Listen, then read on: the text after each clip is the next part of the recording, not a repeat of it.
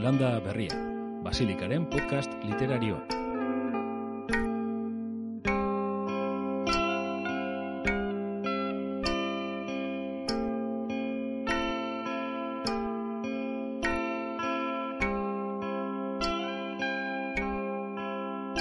Lau, Susan Sontag interpretatu nahian.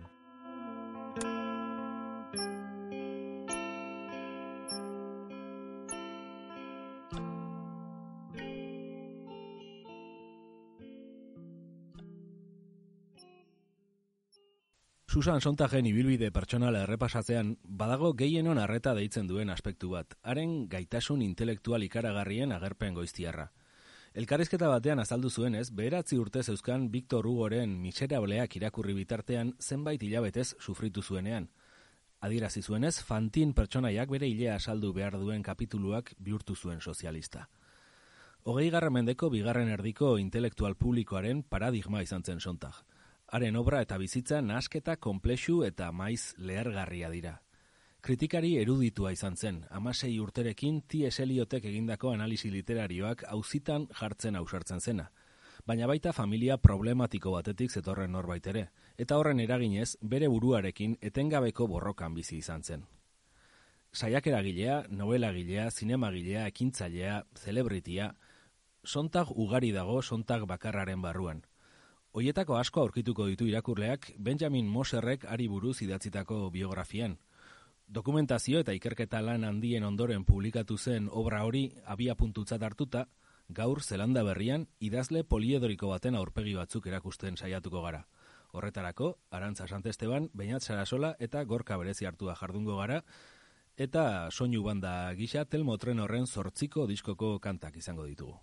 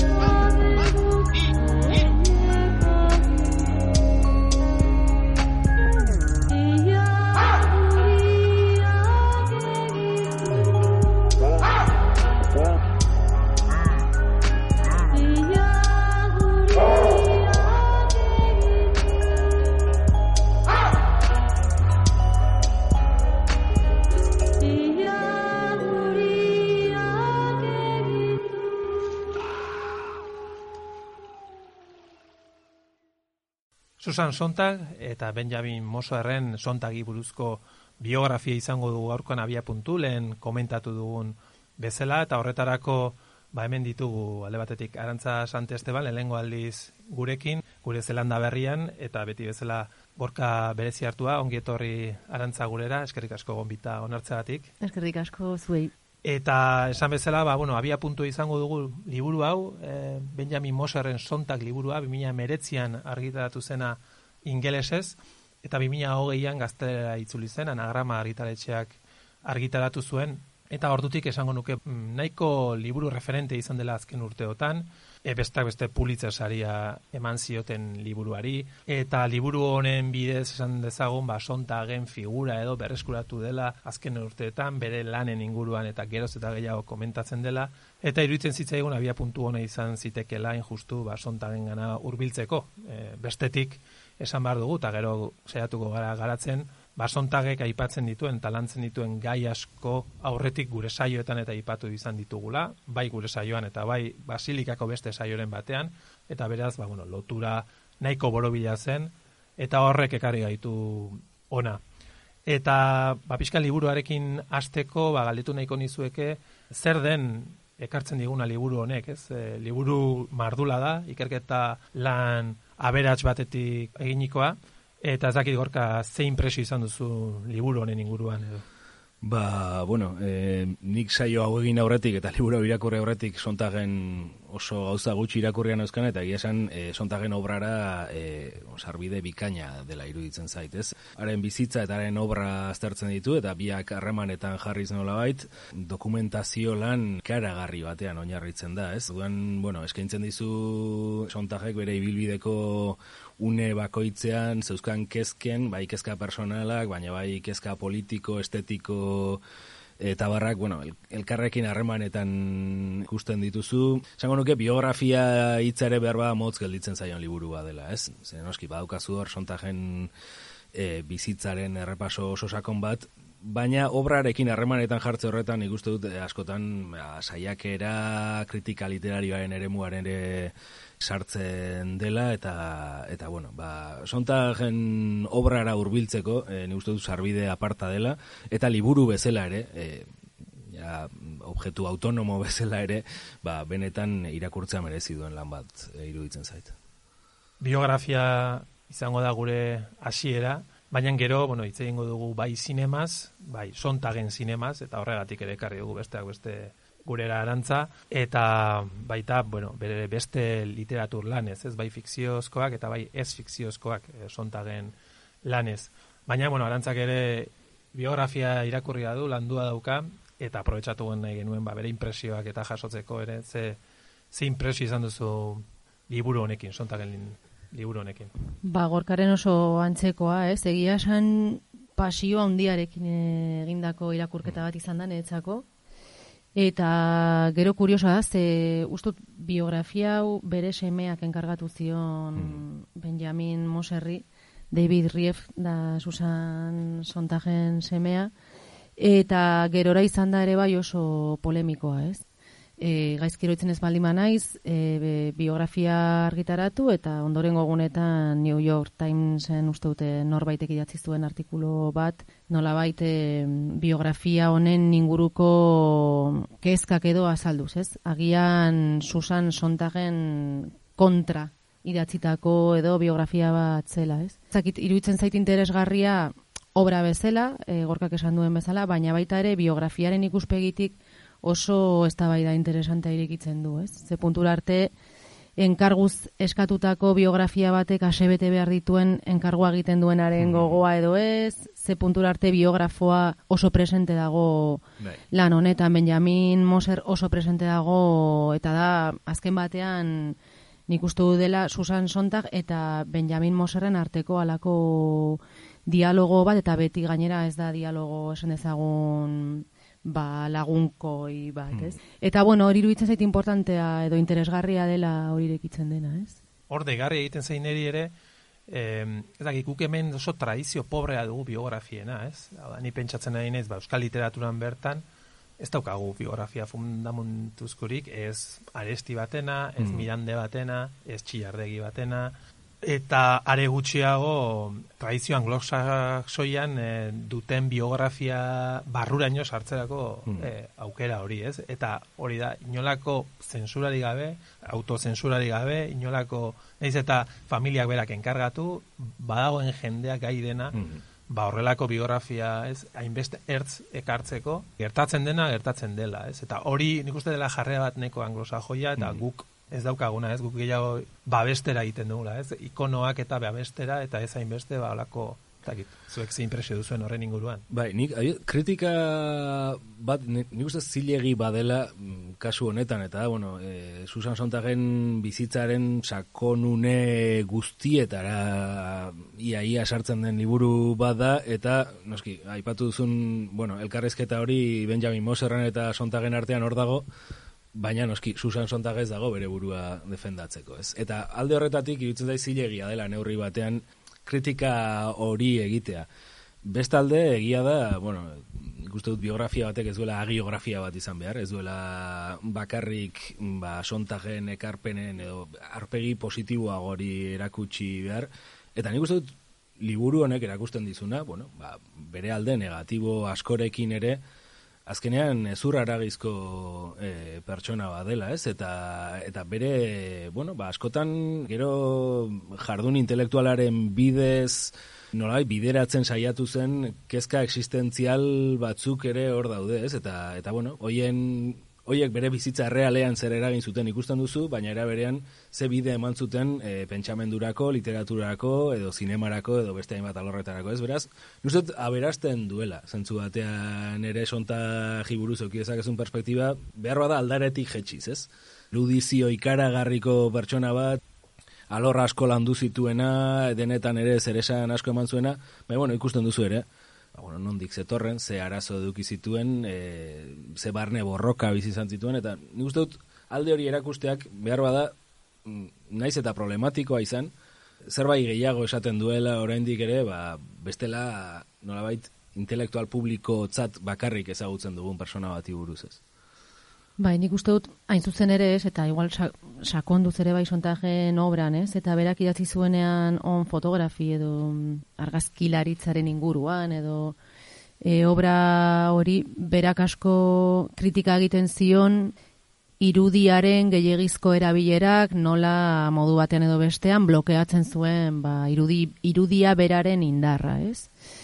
Eta aurrekoan ere irakurtzen nuen The New York Times magazinen eh, kritikari batek sontagi buruz egindako eh, kritika bat, eta berak esaten zuen ezote den bihurtu sontag pixkate nahi ez zuen horretan, ez? Edo, eta hain zuzen ere ezote den sontag e, gehiago irudiarena eta ezain beste hitzarena, ez? Mm. Eta irutzen zitzen hori interesgarria ze azken batean uste dut iritsi zaiguna sonta buruz Benjamin Moserrek biografia hau egin arte, iruditzen zait asko zegokiola irudiari, ez? Alako erdi ikono pop moduko bat, mhm. batzuek eta besteek hartua edo ez hartua, ez? Baina biografia honen ondoren iruditzen zait nolait personaje hori ja badela pixka gehiago hitzarena.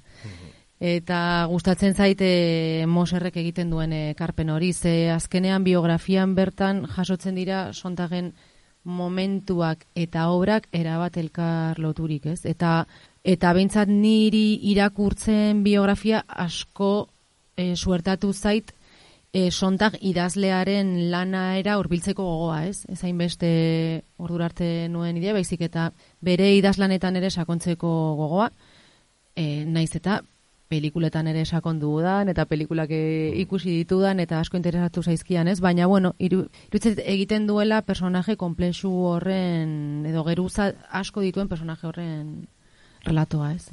Claro, horren ariraren ikuste ipagarria dela, azken amar, amabost urtetan, sontak indartsuen iritsi den bidea izan dela Judith Butlerrena, eh, Frames of War mm -hmm. publikatu zuenean, eta zuzenean hain justu on fotografi e, Susan Sontagen on fotografi lanarekin diskutitzen duenean liburu gerora hain importante izan den liburu horretan, ez? Eta orduan agian egia da azken urteetan gogora ekartzen zigun Sontagen alderdia gehiago zela irudiarena edo irudiaren teorikoarena, baina claro, gero interpretazioaren kontra bezalako saiakerak eta eta bueno, kanpari buruzko saiakera, mm. gero aipatuko ditugunak eta ba oso garrantzitsuak izan dira bere bi bilbidean ere, ez? Eskoro badago ere bai, e, karo, sontag beraren idazkera modua. Mm -hmm. sontagik ez duen idazten modu, esan dezagun, ba, beste pentsalari handiek idazten duten moduan, e, berdin zaite, Ana Arendt edo, edo beste... Osa, hauek idazten zuten, esan dezagun, modu ordenatu edo jarrai, ez? Jarraitu batean, eta sontagen asko idazten zuen Osa, zerrendaten gabeak egiten zituen gauza askorenak. Eta pixkat berak bere bere idazkera, saiakera idazkera e, idazteko moduan, integratu nahi zuen nola, osa, pentsamenduaren logika. Orduan, nola, berak egiten ditu beti apunteak eta, ez, zenbak itzen hmm. ditu asko, ber, e, kapitulo asko egiten ditu, eta orduan, batzuk esate dute agian, idazkera horrek nola ez zuela balidatzen bere garaiko edo ondorenera egon diren pentsalari handiekin. Ez? Bueno, eske ni imaginatzen dut, bere el saiakera batzuk irakurrita, gaur egun akademian e, etzula lekurik izango horrelako mm. idazkera batek. Gaur egun e, bereak, bereak asko zere idazkera oso potente izan da, eta oso saiakera potenteak izan da, ez dute bat egiten gaur egun e, akademiak eskatzen duen formalismoekin, ez? Eta bueno, hori nik uste aipagarria dela, beste hainbat autorekin gertatzen den bezala, eh? bide batez esan da, baina bueno, hori gaur egongo akademiaren kontua dira, beste arazo batzuk, baina bueno, egia da hori ere interesgarria dela mai gaineratzea, ez? Bai, gero, bere lanak irakurriz eta aipatzen zenuten kontu hau ez, e, nolabait e, zerrendak, puntuak, idazkera fragmentario hau eta e, hor kurioso egin zaidana da, e, batetik saiakerak irakurriz, baina bestetik batez ere ipuñak, ze uste dut, e, bueno, e, ipuñe, nahi bentsat gehien konektatu dena bere idazkera literarian, da fikzioa egiten hasten zenean ipuñekin izan dela. E, gero, hor, aipatuko dugu ere bere novelan bat behar da, baina E, hor, bago lerro bat ipuin batzuen eta saiakera batzuen artean oso oso lausoa dena. Ez dakizu zen momentutan ari den, adibidez, txinara bidai baterako proposamena, uste dut izena duela ipuinak, Ez dakizu hori benetan fikziozko lan bezala planteatzen duen, edo saiakera batera hurbiltzen zerbaien, eta alderantziz, kanpari buruzko oharrak ez da bat ere saiakera konbentzional baten estiloa, ezta? E, beste, beste zerbait da, interesgarria da ikustea ere ze testu ingurutan joan ziren publikatzen gauza hauek, ez? Ze parte hartze izan zuen, ba, The Partisan Review, New York Review of Booksen, Bai, bazegoen espazio bat ere, horrelako saiakerak eta testuak argitaratzeko eta publiko, bueno, jaso bat, baina nahiko zabala e, izan zitekena gai hauetaz e, aritzeko behintzat, bazegoela, ez? Testu inguru hori bera ere, e, hori biografian ikustut nahiko argi ikusten dela, ba, interesgarria iruditu zaize, behar bada, ba, gaur egun esparru honetako publikazioa behar bada askoz ere akademikoago eta itxiagoak bihurtu dira, ez? E, idazkeraren eta formen aldetik, behintzat. Biografiara itzuliz, baitaren, ezagite, aipatu nahiko nuke, zuek e, garatzea, bere bizitzan ze garrantzia izan zuen e, gaxotasunak e, esate baterako eta gero bueno, bere sexualitateak ere, ez? Eta gero uste pixua duela bi, biografian bi puntu horiek. Bai, nik uste, bueno, batetik gaixotasunarena eta sexualitatearena, segurazki, biak ere, nik uste dut, e, bere e, bai, bizitzaren abia puntutik hor flotatzen dauden e, kontuak dira, ez? E, nik uste dut, eriotzaren kontzientzia oso oso goiz eduki zuen pertsona bat izan zela, Eta eraberean ere bere sexualitatea askotan eh, e, reprimitu behar izan zuen e, persona bat izan zela, ez? Eta, bueno, ba, biografian apunte asko daude bere egunerokoetakoak, ba, bere burua lesbiana bezala identifikatzeko edo ba, zeuzkan zailtasunen berri ematen digutenak, ez? Beste garai batzu ziren segurazki ere ondo, ondo dago batez ere sexualitatearen kontua eh, berbada askotan idealizatzen ditugun 60ko eta 70ko azkeneko hamarkadetan ustez eman zen askapen hori gero zertan konkretatzen zen e, ikusteko, ze seguraski momentu hartan eman ziren zenbait aldaketaren abanguardian zegoen gizarte taldean, zegoen sontak eta lare sekulako arazoak izan zituen bere burua hor kokatzeko, ezta? Beharra, biografiaren beste alde interesgarrioan etzak hori izan da, ez? E, bueno, ez idealizatu irurogei eta irurogeita marrak, ze begira mm, ba, bueno, ezakit, New Yorkeko Billy txaren inguruan mugitzen zen jende honen artean ere zenba kostatzen zen, ez, e, horretaz hitz egitea. Lehen esaten zenuen injustoa dela pixka bat e, biografia hau alde, bate, alde batetik, ez? Mm. sontak ez dagolako presente eta ezin dugulako bera gauza konkretu batzuen inguruan entzun, ez? Eta alde horretatik nik irakurri duanean biografia bai iruditu zaitor biografoa Benjamin Moser oso presente dagoela, nolabait, doa ditzera ematen du e, sontag ez zela, nolabait, ez zula outina egin, edo ez zela mm. armairutik atera, gaina oso une konkretuetan, ez? Iesaren inguruko mobilizazioak eta ematen hasten direnean, ba hor eskatzen zaio berari, ez? Mm. Ba, teatzeko lesbiana bezala, eta berak esaten du ez ezko. Eta pixkat, Benjamin Moserrek, planteatzen digun tesia da bazela nolabait ba sontajek zuelako balako behar handi bat famatu eta rekonozitua izateko, ez? Mm. Orduan berak bazekien, ondo mentzekien, baldin eta bere lesbiana izaera hori aditzera matemadin bazuen, ba, ba errefusatua izango zela mm. zirkulo askotan, ez? Hori planteatzen du Mosarrek edo aditzera ematen du, guk mm. ez dakigu benetan horrela izan zen, edo, edo ez dakigu, ez? Mm horrekin gelditzen gara, baina, bueno, takit, nik nire salantza ditut. Eh, a ber, zer zen bere barruan zegoen, azte gero uste dut lesbiana zela, baina gizonekin ere harremanak zituen, Mm. eta orduan nik uste dut ere bisexualitateaz ere hitz egin genezakela, edo zein kasutan ematen du ba, bere sexualitatearekin zituen harremanak ba, bere bizitza bezala eta bere obra bezala ez zirela ba, ez dakit, eh, alde bakarrekoak edo, osea, eta horixe, bai. Eta, bueno, aipatu duzu iesaren kontua, eta bera minbiziak jota hil zen, eta gaixotasunen inguruan ere idatzi zuen, ez? Bere, bere obra batzuetan, e, teorizatu zuen, e, Bai, hori, iesa eta bere metaforak eta gaixotasuna eta bere metaforak. Ezin, bai, uste, dut, bueno, orain,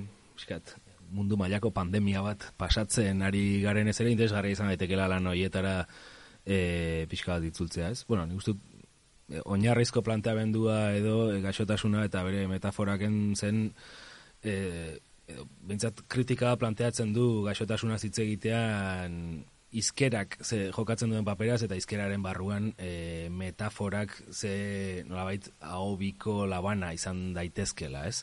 Ba, azken bi urte hauetan uste dut e, hortan ere, mm, ez dakit, albisteek nolabait e, sontajen kritika horri arrazoia eman diotela, ez? Ikusi dugu COVIDaren inguruan alako metafora militarrak erabiltzen eta horren Eta, bueno, ba, horrek gero hartzen diren neurri konkretuetan ere eragina du, e, arazoa planteatzeko erabiltzen diren hitzetatik, ez? Nik uste berak i, bai iesaz eta, eta bai beste gaixotasun batzu ez, ba, bueno, bere minbiziari buruz eta jasotzen ari zen kimioaren inguruan aipatzen zuen, bombardak eta hitza eta bar, eta gaixotasuna termino horietan planteatzeak dauzkan efektu konkretu eta pentsarazteko ere, e, ba, ba, bueno, uste da referente ezinbesteko bat dela, ez? Eta alde horretatik ere, ba, naiz eta laro gehiko amarkadako testuak izan vigentzia haundia dutela, esango nuke.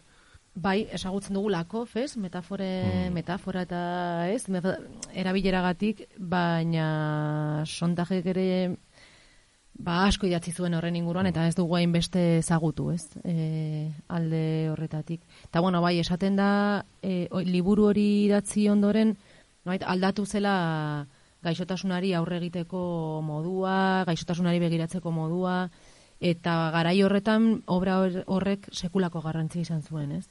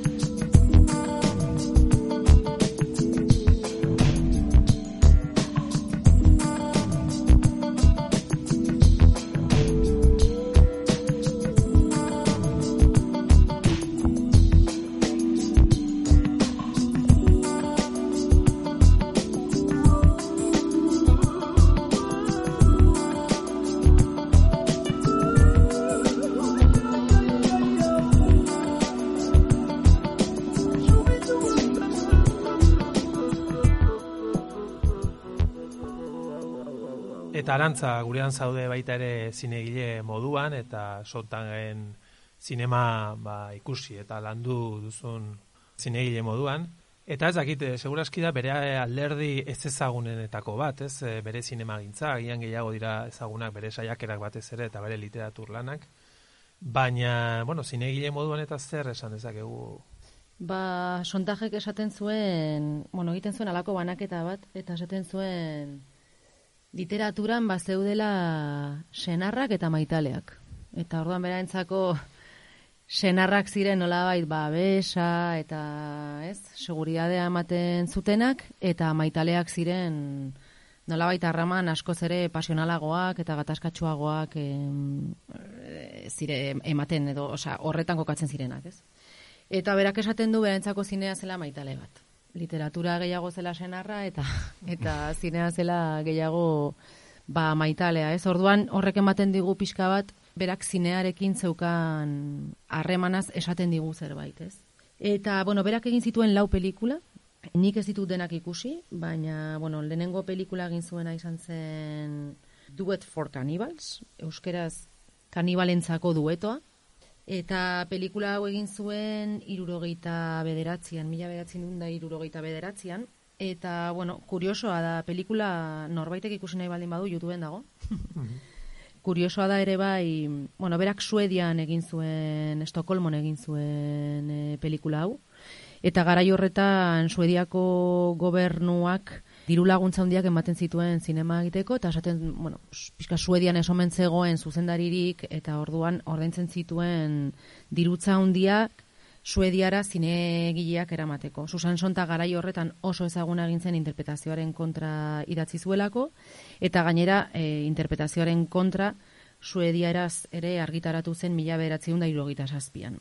Eta, bueno, bertan, e, obra horretan, berbani, Ingmar Bergamani buruzko saiakera bat ere biltzen du, ez, e, interpretazioaren kontra lanak. Hori guztia kontutan hartuta gonbidatu zuten eta eman ziote diru aurrekontu majo bat, pelikula bat egiteko. Orduan, e, filmaren oinarrian godarren eragina dago, oso godarzalea zen Susan, eta, eta esaten da oso godarzalea zela, modaten godarrek ere kritikari moduan jardun zuelako luze, eta orduan Susane Sontagek esaten zuen, kritikari bat zinegia edo artista izan zitekela erakutsi ziola godarrek beste Mm. gauza askoren artean, eta orduan berarentzako hori importantea izan zen, ez?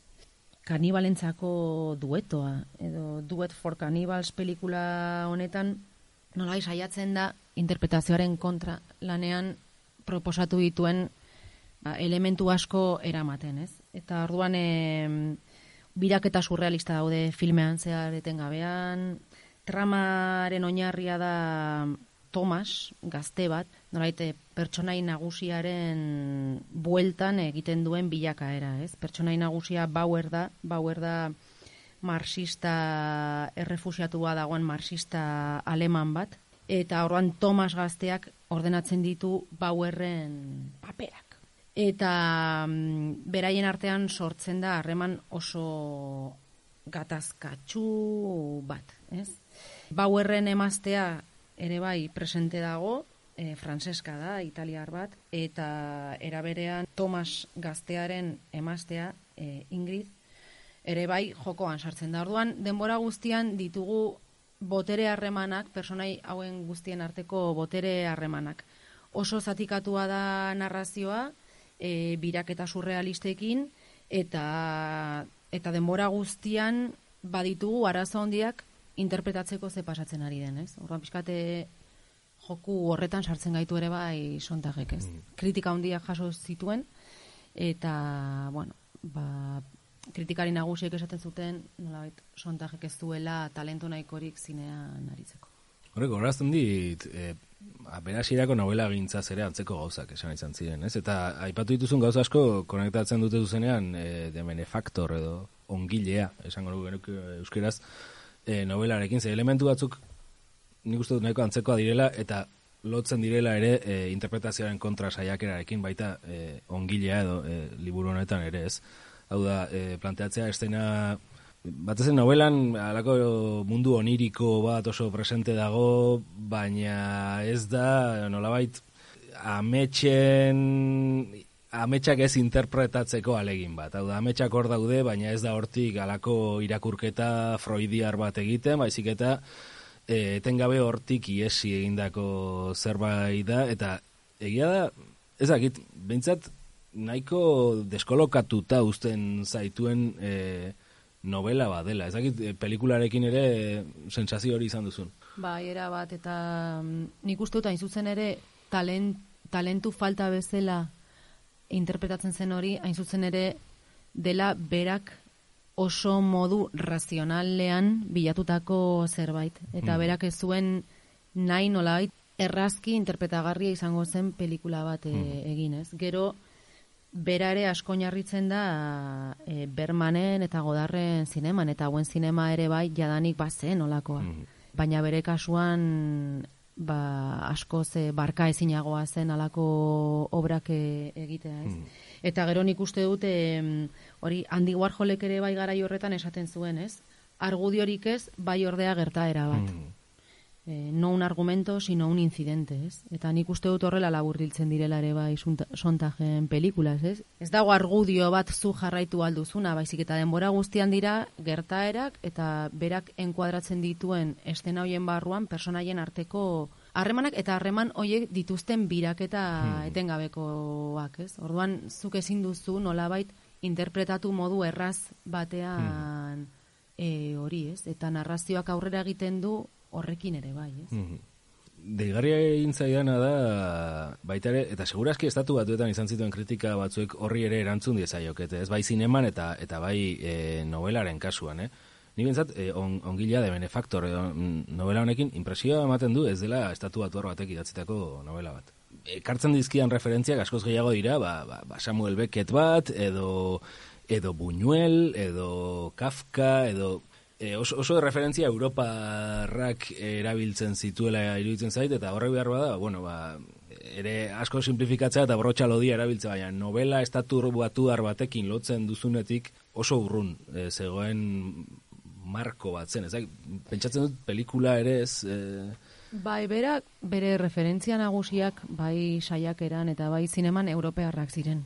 Neurri handi batean, ez bakarrik, baina neurri handi batean, ez? Eta berak beti egin zuen bidai, bidai Europara, ez? E, al izan zuenean beti, bet, ies egin zuen Europara, ez? Eta gero ere, bueno, irakurri izkiot kritika batzuk esaten dutenak sontajek beti idatzi zuela gizon zurien inguruan, bere saiakeretan soilik hiru emakume aipatzen ditu, uste dut Simon Weil, Leni Riefenstahl, eta beste norbait aipatu Nat- zuen. Natali Sago, Bai, buruz Sago. aurreko, justo aurreko saioan aipatu genituen hemen ubo gomanekoak, eta bauka saiakera bat ere bai. Baina bestela beti idatzi zuela e, gizon zurien ba, obrei buruz eta zineman ere bai bere referentziak ba, Hmm. ba, bueno, Europarrak ziren gizonak eta eta zuriak, ez?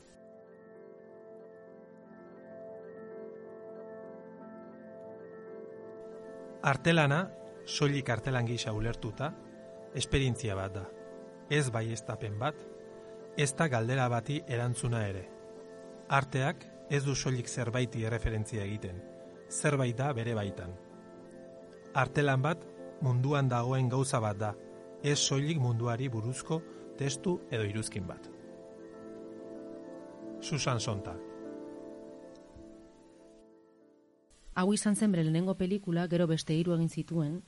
E, urrengo pelikula deitzen da Carl Anaia, edo Brother Carl, eta hau mila behatzen da hirurogeita marrean egin zuen, eta hau ere Suedian egin zuen. Kritikaren arabera, Duet for Cannibals, baino eh, nolait sofistikatuagoa izan zen, eta nolait ikusleak bazuen sentitzeko, interpretatzeko espazio handiagoa, ez? Eta gero, nabarmendu nahiko nuke urrengo pelikula egin zuena mila bederatzen da irurogeita malauan Promised Lands lurralde agindutako lurraldeak edo hau esaten da dela bere pelikulari konena. Ondoren egin zuen beste bat, mila bederatzireun da e, larogeita iruan, Veneziatik gutuna edo. Baina Promised Lands hau esaten da hori bere bere lanik onena dela zinematografikokitan ni ados, ados nago horrekin, YouTubeen dago ere bai eta merezi du ikustea ze dokumentalagoa ja, ez da fikzioa lan dokumentala da. Eta berak jonkipurreko gerra gertatzen denean ba bere semearekin eta bere maitale batekin hanka egiten dute arak esate dute kreitu txartel batekin, ez, bakarrik, joan zirela ara, ez, eta han ekipoa kontratatu zuten, eta orduan abiatu ziren nolait e, pelikula bat egitera Israeleko estatu modernoaren sorreraren inguruan, ez?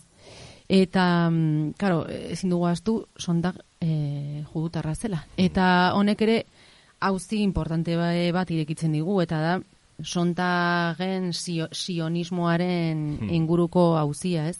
Oso interesantea da pelikula egin ondoren, ba honen inguruan ere sortu zen eztabaida estatu batuetan, eta no, berak ez zuen inoiz ukatu, bera, bere judutar sentimendutik Israelekiko atxekimendua zuela, ez?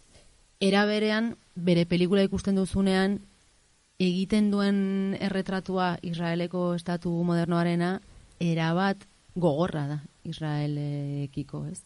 Oso pelikula fragmentatua da berriz ere, irudiak oso pikatuta daude, eta nahasten ditu mota guztietako irudiak, ez? Ba, bai kaleko bizitzaena, baina baita ere ejerzitoarena, gero ba, azkeneko sekuentzia oso komentatua izan da, ba, oso, oso indartsua delako, eta da ospitale psikiatriko batean sartzen da, eta probak egiten ari dira Israeleko ejerzitoko militar batekin, nolait eh, trauma duen eh, soldadu batekin, eta orduan hamar minutuko sekuentzia batean ikusten dira soldadu honek dituen gora bera guztiak, eta tratamendu guztiak, eta pixkat esaten da nolabait hor kondensatu zuela pixkat Isra, Israel, ez? Israeleko estatuaren pixkat berak zuen ikuspegia horrekiko, ez? Nolabait zela estatu bat violentzia jaso zuena eta baina violentziaren gainean orainaldian violentziaren gainean e, eraikitako estatu bat erabat traumatizatua zegoena, ez? Eta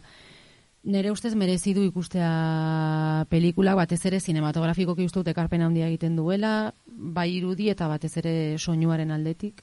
Soinua ere bai da rekreazio bat oso oso potentea eta bueno, merezi duen pelikula.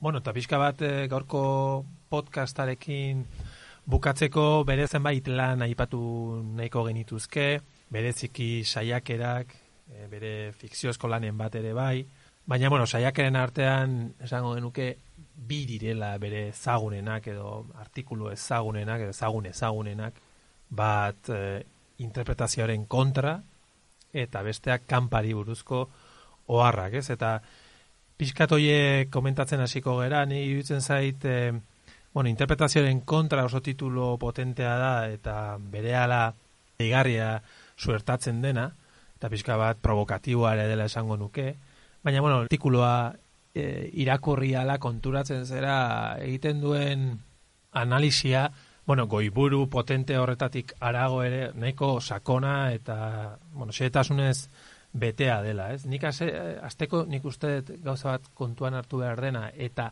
saiakera horretan, sontak bera ipatzen duen zerbait da, testua ulertu behar dela bere kontestu historikoan. Ez? Eta bereziki garai horretan, hau, irurogeietan eta idazten du, alako inflazio moduko bat zegoela literatur ikasketetan eta bestela artearen inguruko ikasketetan gain interpretazioak egiteko, edo interpretazio psikoanalitikoak esate baterako interpretazio marxista, bueno, gain interpretazioan erortzen zirenak, eta esango nuke neurri batean bere artikuloa horri erantzuna dela, ez? Hau da, tengabe insistitzen duen zerbait, da edukiaren garrantziaren kritika bat egiten duena berak, ez? Hau da, berak esaten du, badagoela joera bat artelana, literatur lanak, edukiaren arabera ebaluatzekoak, hau da, obra horrek eduki, bereziki morala, ze eduki moral duen ekstraitzeko saiakera bat, e, eta berak hain justu bereztat kritika ez da hori. Bereztat kritika beste zerbait da, ez?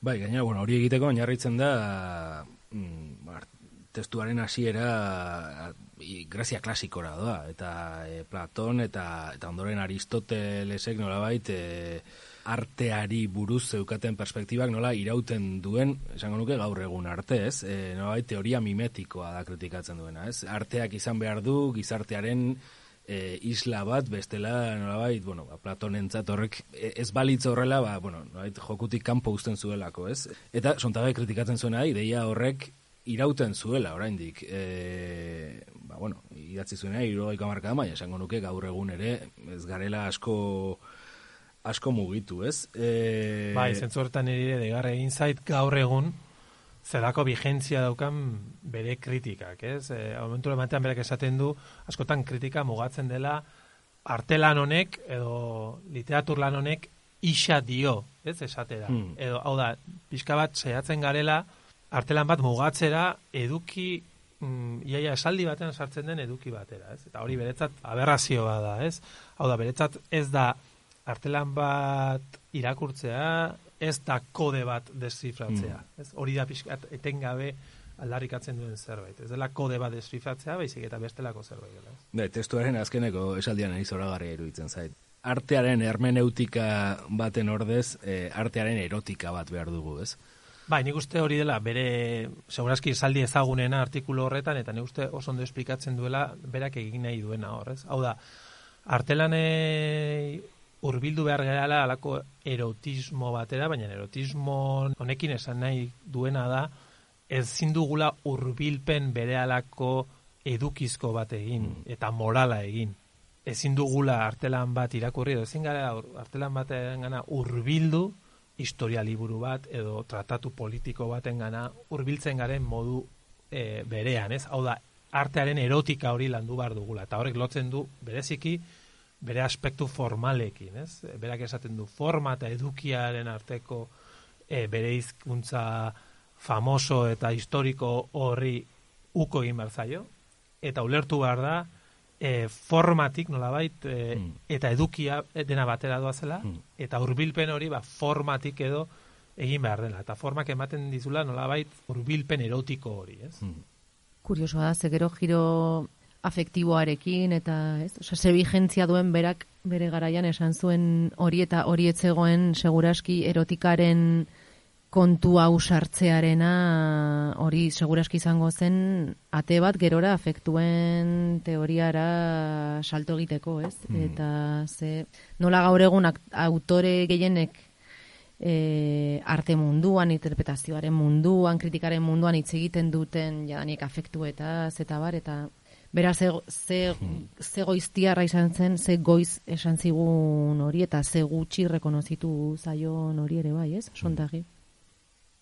Horrekin lotuta, beste ideia bat eh, askotan insistitzen duena saiakera honetan sontagek da gaur egun, da, berak esaten du irurogeietan, eh, artikula mila behatzen da irurogeita lauean argitaratu zuen lehenbizikoz, ekintza interpretatiboa nagusiki erreakzionarioa dela. Ez? Hora, berak egiten duen kritika ez da soilik kritika formal bat, baizik eta da kritika politiko bat. Hau da, esaten du artelanak zentzu moral interpretatibo honetan e, irakurtzea hori erreakzionarioa dela. Eta hori nik uste oso gauza interesgarria dela, zein justu askotan kontrakoa pentsatzen dugu, ez modu erraz batean, ba, balizko obra batek mm, eduki moral ba, aurrerakoia izango badu, eduki hori azaleraztea progresista dela, ez?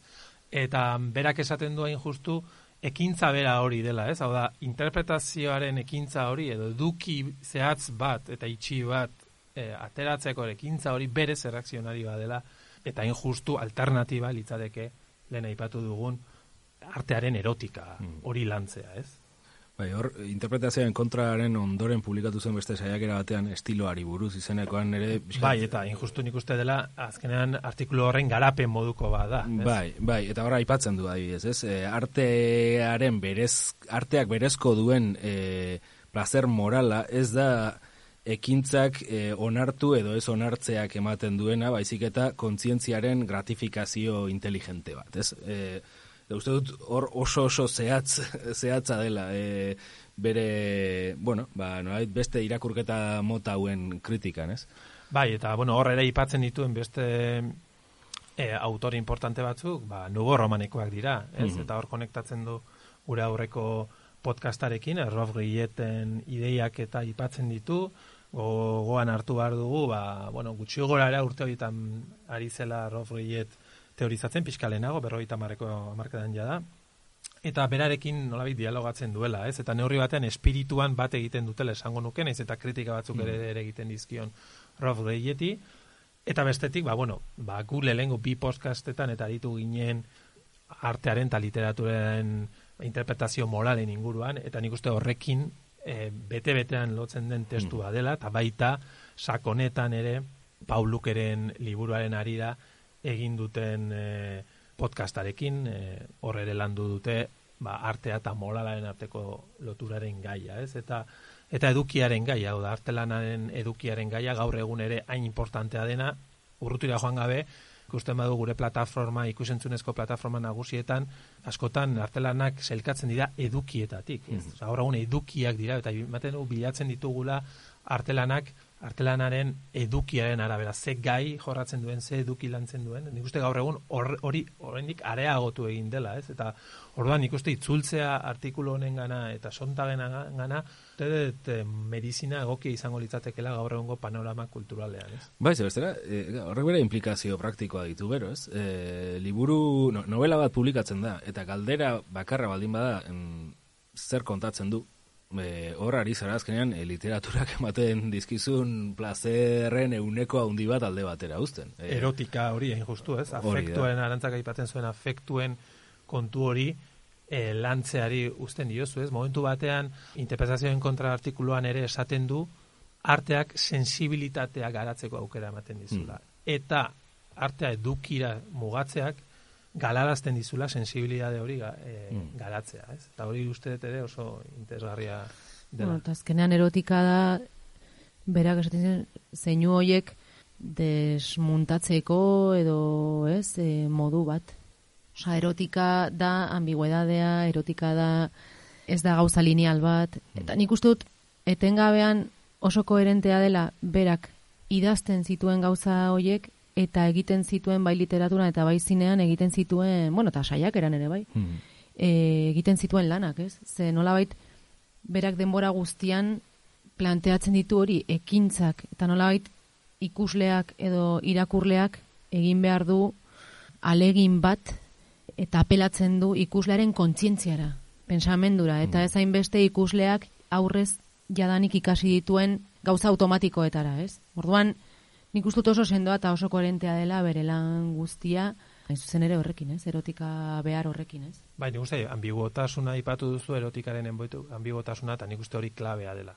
Ulertzeko, hori nola kontrajartzen den edukiaren interpretazioarekin lotutako edukiaren filosofia honetara, ez? Eta injustu horren adibiden argiena jartzen duena da psikoanalizia, ez? Non psikoanaliziaren o- obsesio nagusietako bat den azalezko agerpen baten atzean dagoen eduki latentea edo azalaraztea. Baina eduki hori existitzen da iaia aurretik, itxita dago, eta egin behar dugun gauza bakarra da desifratzu, ez? Mm. Eta injustu erotikak eskaintzen duena da beste eremu bat, ambigotasunaren eremua, joan etorriaren eremua, sensibilidade ireki baten eremua, eta bestelako hurbilpen bat artelanarekiko, ez? Bai, eta berak horregatik horri deitzen zion pixka kontzientziaren, ez? Kontzientziari deitzea, kontzientzia konbokatzea nola bait, ez? E, artelan bati aurre egiterako orduan, eta berak esaten du zientzia kognitiboak asko pobretzen duela kontzientziaren e, agerpena edo, ez? Ba, zientzia kognitiboak, esaten zenaren bidetik, nolabait destifratu nahi duelako dena ambigotasunik gabe, ez? Hau da hau eta hau ez da hau, ez? Eta orduan, ba, hori arteari dagokionez, ba, ba beraentzak hori sekulako hor gelitu zen, osea, hori inposatu zenean, pixkate zientzia kognitiboa eta ba, sonda gelitu zen, pixkate sufritu zuen, ez? Eta gelitu zen pixkat alde batera, ez?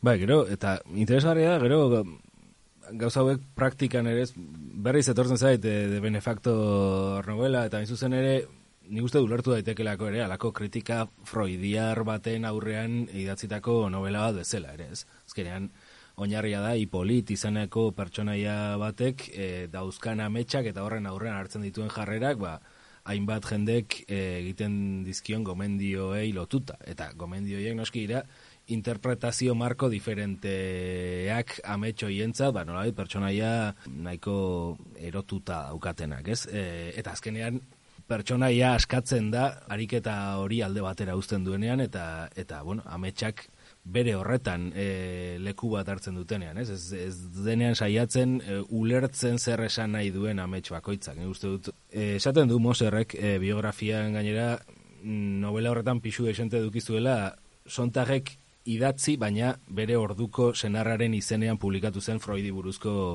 e, liburu batek, ba, sakontzen duelako ja liburu horretan egiten zuen e, kritikan, ez? Egia da, gero kontu hauek behar bada pixka de mode gelditu direla, ba, bueno, Freudek gaur egun ez daukalako, behar bada, joan den mendeko, mendearen erdialdean eh, edukizezaken pixua, ez? Baina Freudek behar bada, ez? Baina interpretatzeko obsesio honek, nik uste dut oso, oso presente jarraitzen duela, beste marko batzuetan. Bai, hori da, bifo azkeneko bere lanetan esaten dituen, zea, ideia nagusien oinarria, ez? Dela, nola baite egungo logika konektiboa dela, ez? Eta, kone, eta logika konektiboak nolabait eskatzen duela zeinu hoiek, e, irudi hoiek nolabait konexioaren bidez edo, edo irudimen konektibo baten bidez destifratu behar ditugula modu lau batean, ez? Eta aldiz nolabait aldarrikatzen du logika konjuntiboa, ez? Logika konjuntiboak eramaten gaitu zeinuak interpretatzera konexioen bidez, e, konexioen bidetatik aratago, ez? Nolabait bere ambigotasunean eta bere komplejidadean, ez? Nolabait. Eta, bueno, esango genuke baita ere, kanpari buruzko oharretan ere, ematen du printzipioz beste gai bati buruz ari dela, baina oso konektatua dago e, interpretazioaren kontra eta eta estiloari buruzko bere saiakerekin, ez? Edo nolabait esan dezakegu kanparen bere teorizazioa dela interpretazioaren kontra saltzen ideien gauzatze konkretuago bat, ez? Berak ikusten du kanpa hain justu edukia auzitan jartzen duen keinu bat bezala, edo estilo bat bezala, ez? Estilo anpatu bat, berak ero lotzen du baita ere queer mugimenduarekin, eta bar, baina estilo anpatu bat, auzitan jartzen duena hain justu interpretazioaren bidez edukiaren seriotasun hori, ez? Hau da, berak esaten du, edukian oinarritzen diren interpretazio gehienek badaukate horrelako eh, rictus serio bat, ez? seriotasunaren gorazarre moduko bat egiten dute, dena serioa da, ez dago ambigotasuna, ez dago, ez dago ironiarik, ez dago humorerik, ez dago tarterik horretarako, eta kanpak hain justu kontrako bidea hartzen du, ez? Eta horretik interesatzen zaio kanpa, esango nuke, sontagi, eta nik uste gaur egun ere aldarrikatzeko zerbait litzatekela, ez? E, badago alako inflazio bat, interpretazio serioena, eta dena trascendentziarako irakurketa batzuena, ez?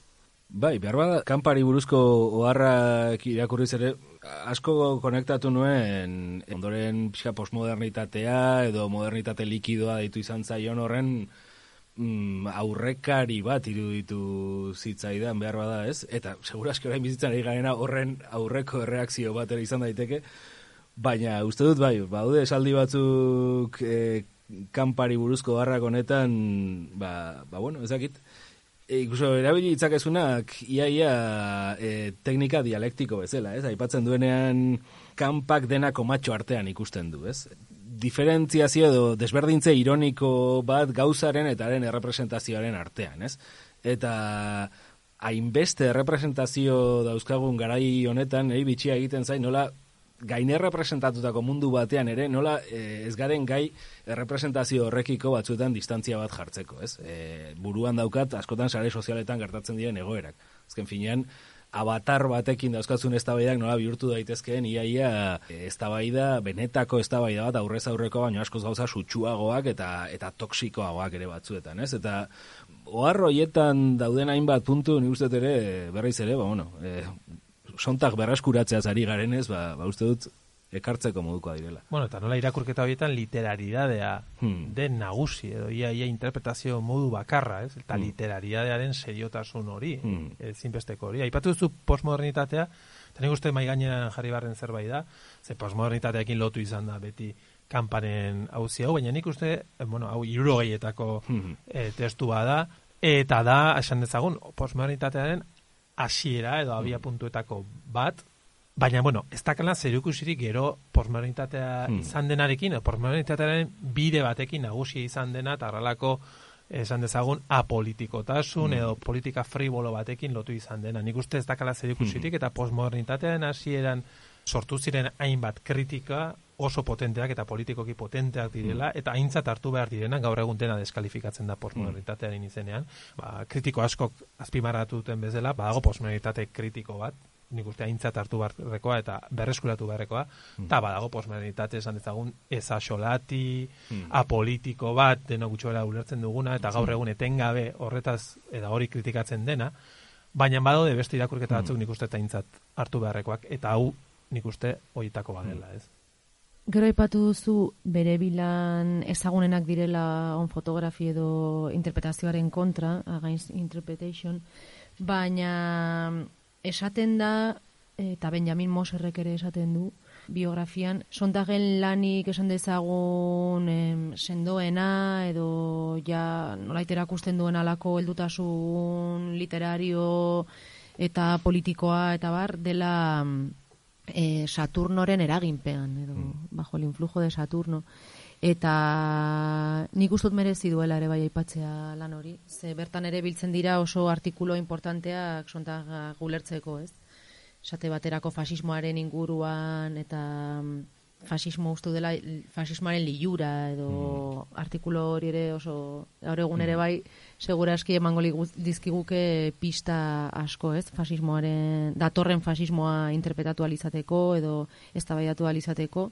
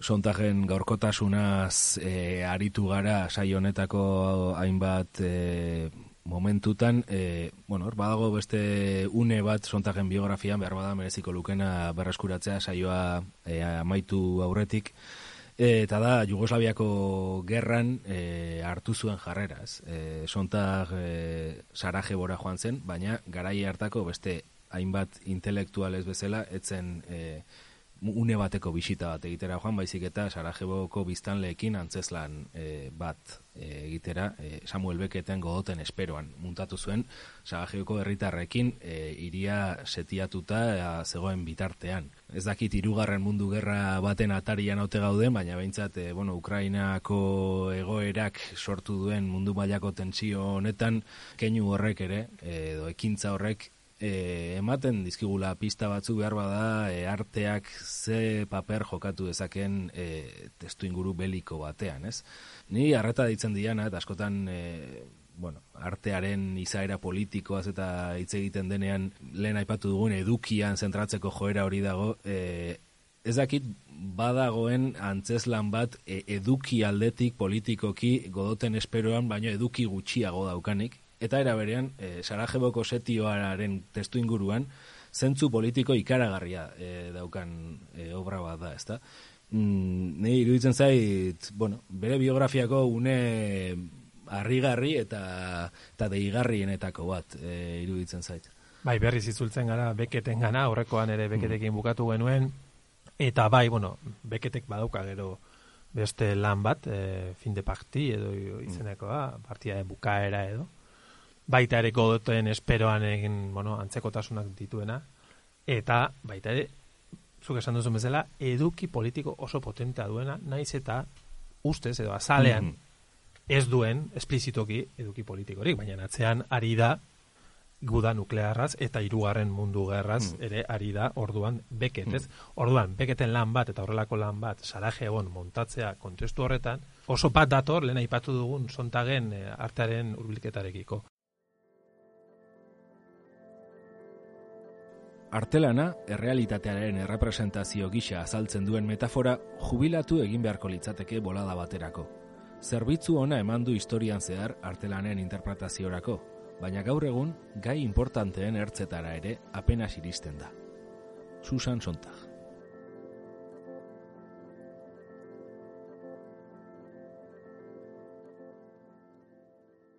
Hau izan da Zelanda berriaren e, kapitulu honek eman duena, Susan Sontag interpretatu nahian aritu gara. Mila esker, erantza Sant Esteban, e, saio honetan gurekin egoteagatik. Ba, eskerrik asko zuei. Eta mila esker bainat ere. Bai, bueno, e, beste bat arte, urrengoan ere gai berriekin etorriko gara, eta bitartean badakizue Basilikako beste saioak ere hor dituzuela, gutxi gora bera bi astean behin saio berri bat izango duzuela entzun gai, Laester saio berriak ere izango ditugula, eta beraz, ba, bueno, zer entzuna badugula Basilika komunitate honetan. Ondo izan eta urrengo arte. Ondo izan. Agur.